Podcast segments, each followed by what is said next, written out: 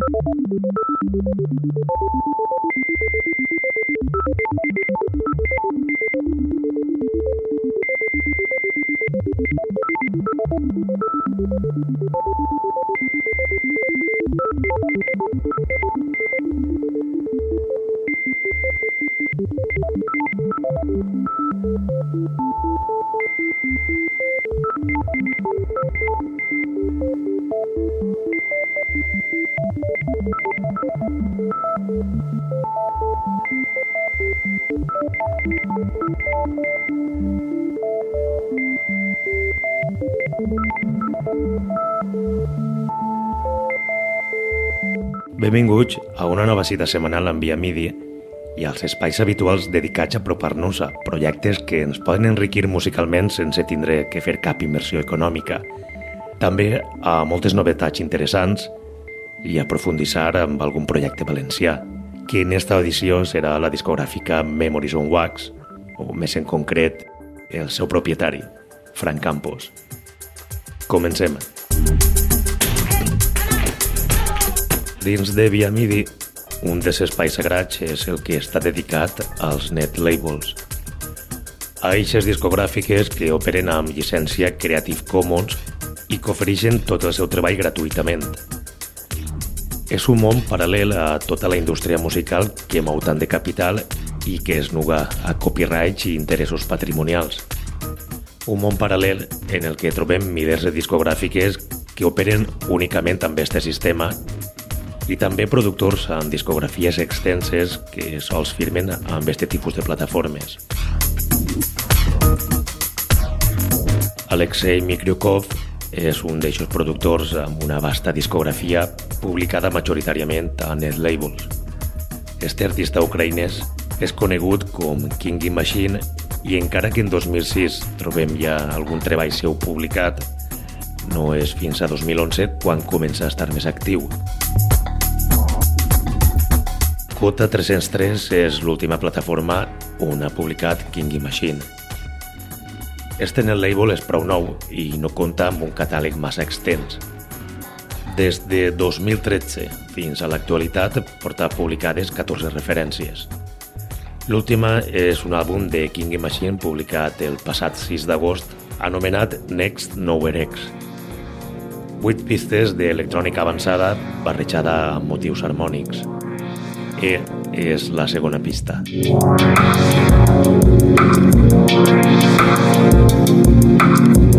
Machine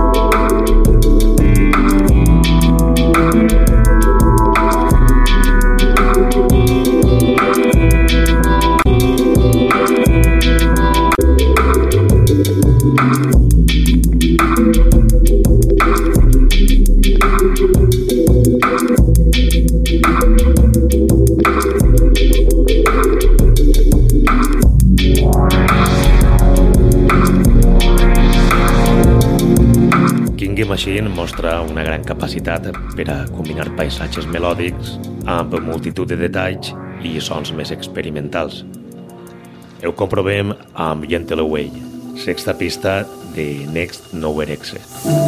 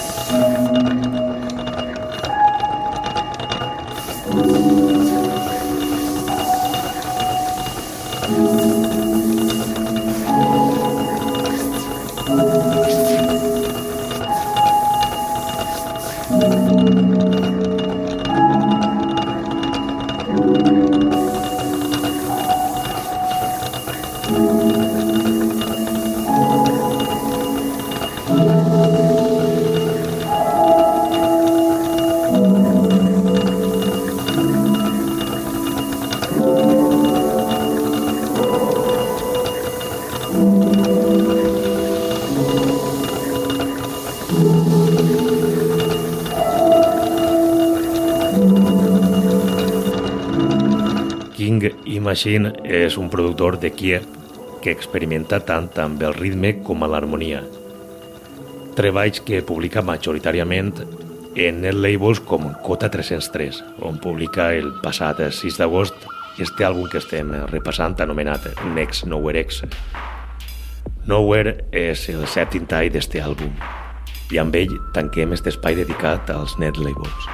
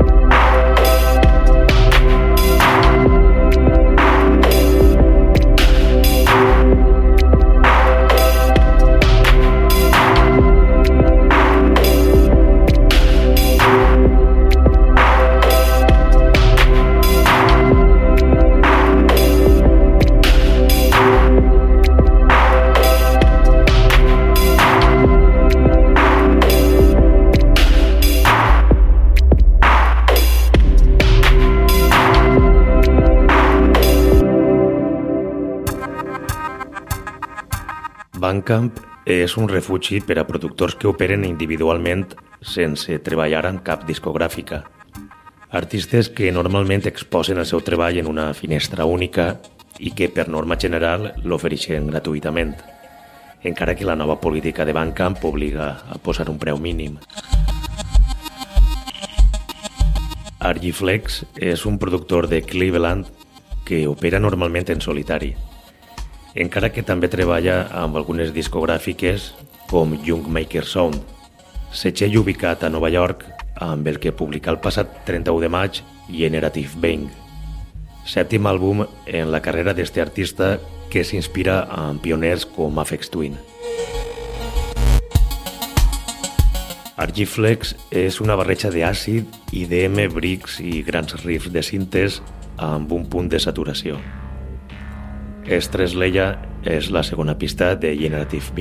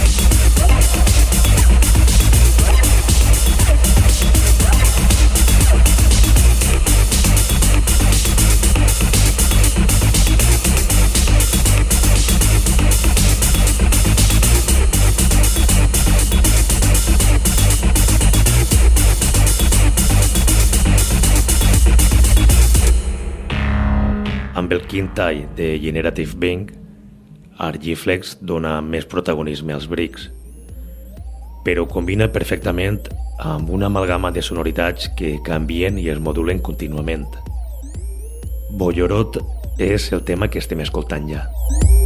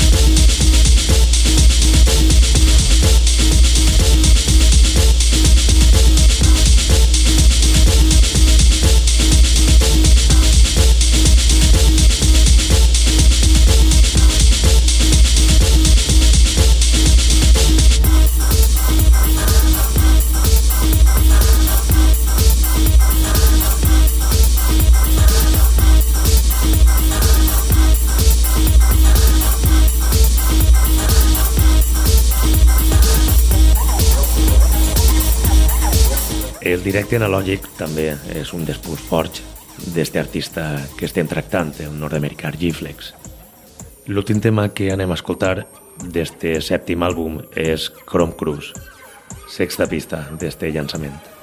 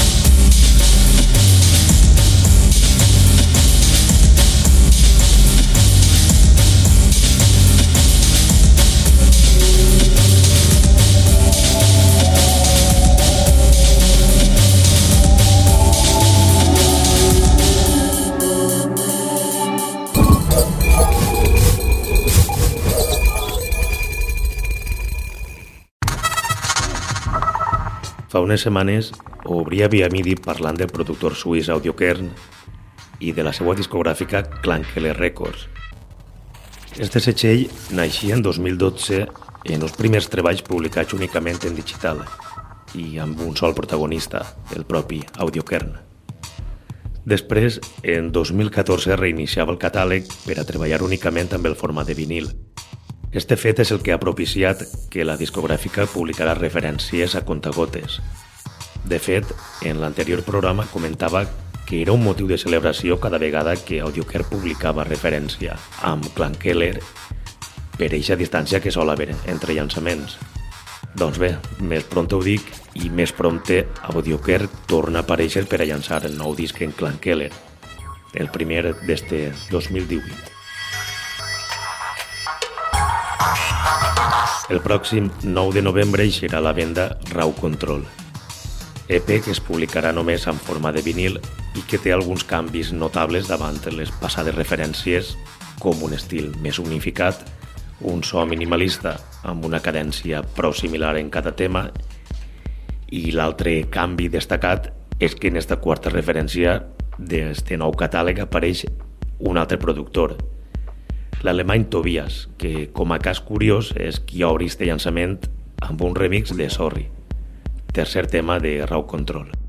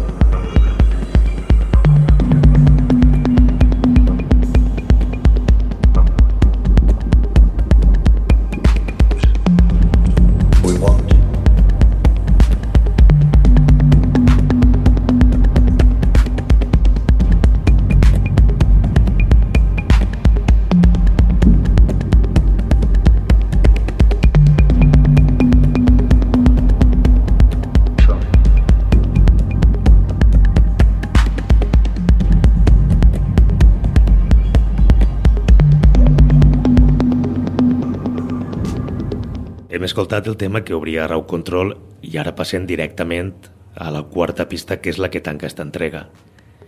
El tema homònim, amb el que Audiocare s'acomiada més enèrgic que amb la resta i amb un estat d'ànim més positiu, que no és que siga l'alegria de la huerta, però si comparem harmònicament este tema amb la resta resulta algo més divertit.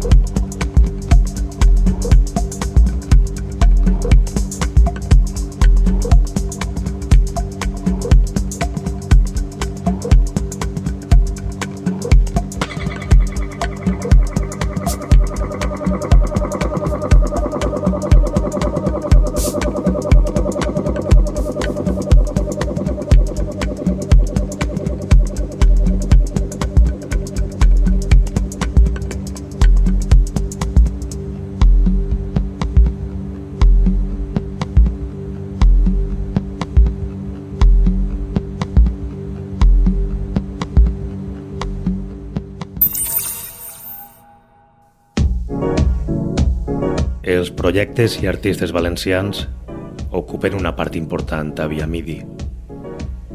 Si fa poc el protagonista va ser Nacho Marco, esta setmana és un altre referent que, a més de compartir una mítica residència amb el propi Nacho Marco a club, també va contribuir a canviar l'escena valenciana més rància.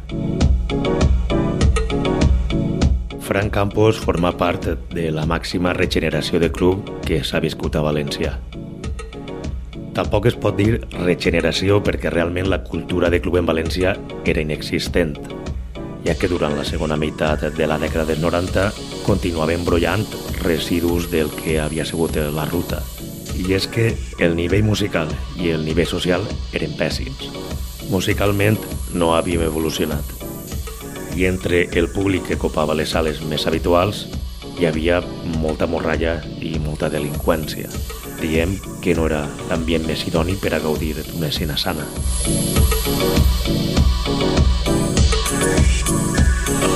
Amb l'E-Club tot va canviar. Els dies residents experimentaven amb estils més puristes i el que paral·lelament estaven fent altres col·lectius en una escena molt reduïda i per a un públic molt minoritari es veia recolzat amb la direcció que havia pres esta sala. I Fran va formar part d'eixa reconversió cultural. Es va comprometre amb una escena que per a nosaltres era completament nova i per a la majoria era complicada de digerir perquè era totalment nou i es desvinculava de tot el moviment heretat de la ruta. L'E-Club va ser un projecte important per a Frank Campos, però no va ser l'únic perquè fora de València també tingué prou presència en altres sales nacionals. Fins i tot participar en diverses edicions del Sonar. Però actualment Fran té altres projectes entre mans.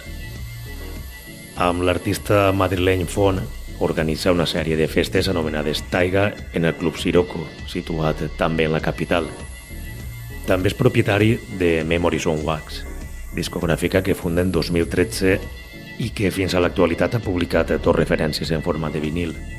La primera en 2013 i la segona en 2017. Per a esta segona entrega compta ni més ni menys que amb el productor suec Janes Benson, part de la mítica banda Frac, amb la qual inauguraven i també es pot dir que treballaven pràcticament en exclusiva per a Worth Records, setxell que funda el propi Svensson en 1987. Janes Benson firma esta segona referència de Memories on Wax com a Vila Abo, pseudònim amb el que firma els primers treballs en 1997. Escoltem Dual Twin, tema amb el que obri Duophonic Mind.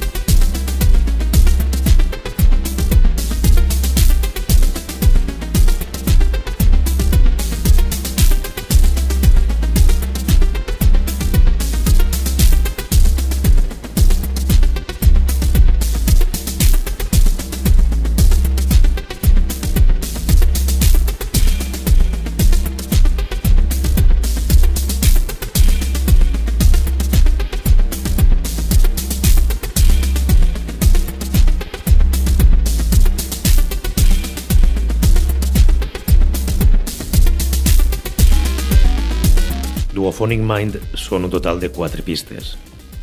Tres originals per part del suec Vilabo i un remix de Jaime Romero que firma com a Strato Aurora.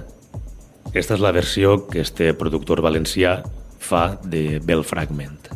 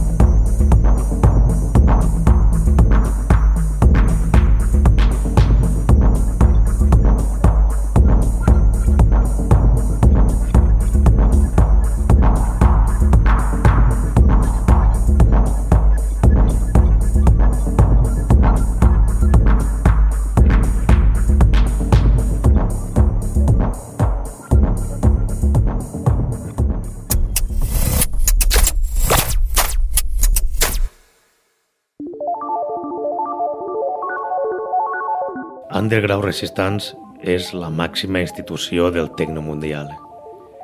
Pioners amb una filosofia molt diferent a la de la majoria de projectes d'envergadura, com podrien ser Cocoon o altres plataformes que quan han experimentat la massificació de l'èxit ho han transformat tot. Estil, filosofia i tot el relacionat amb aquesta cultura més purista. En canvi, Underground Resistance s'ha caracteritzat per molts aspectes que trobem a faltar pràcticament en tots els projectes restants d'un nivell de popularitat similar. En cap moment se n'han pujat al carro de l'arrogància i com a pioners i creadors del techno de Detroit han custodiat les arrels d'aquest gènere.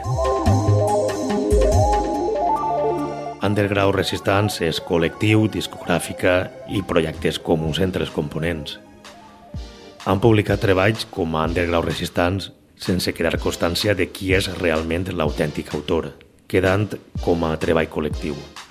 I un dels llançaments més recordats firmats com a Underground Resistance és Millennium to Millennium, referència publicada en 2001 que obria amb el mític Timeline. Un gran track que mira cap al que he dit abans, cap a les arrels del Detroit. Acabem amb Timeline, recomanació de Diego Manzaneque. Fins la pròxima setmana. Vos espere en una nova edició de Via Midi. Salutacions de Ximo Noguera.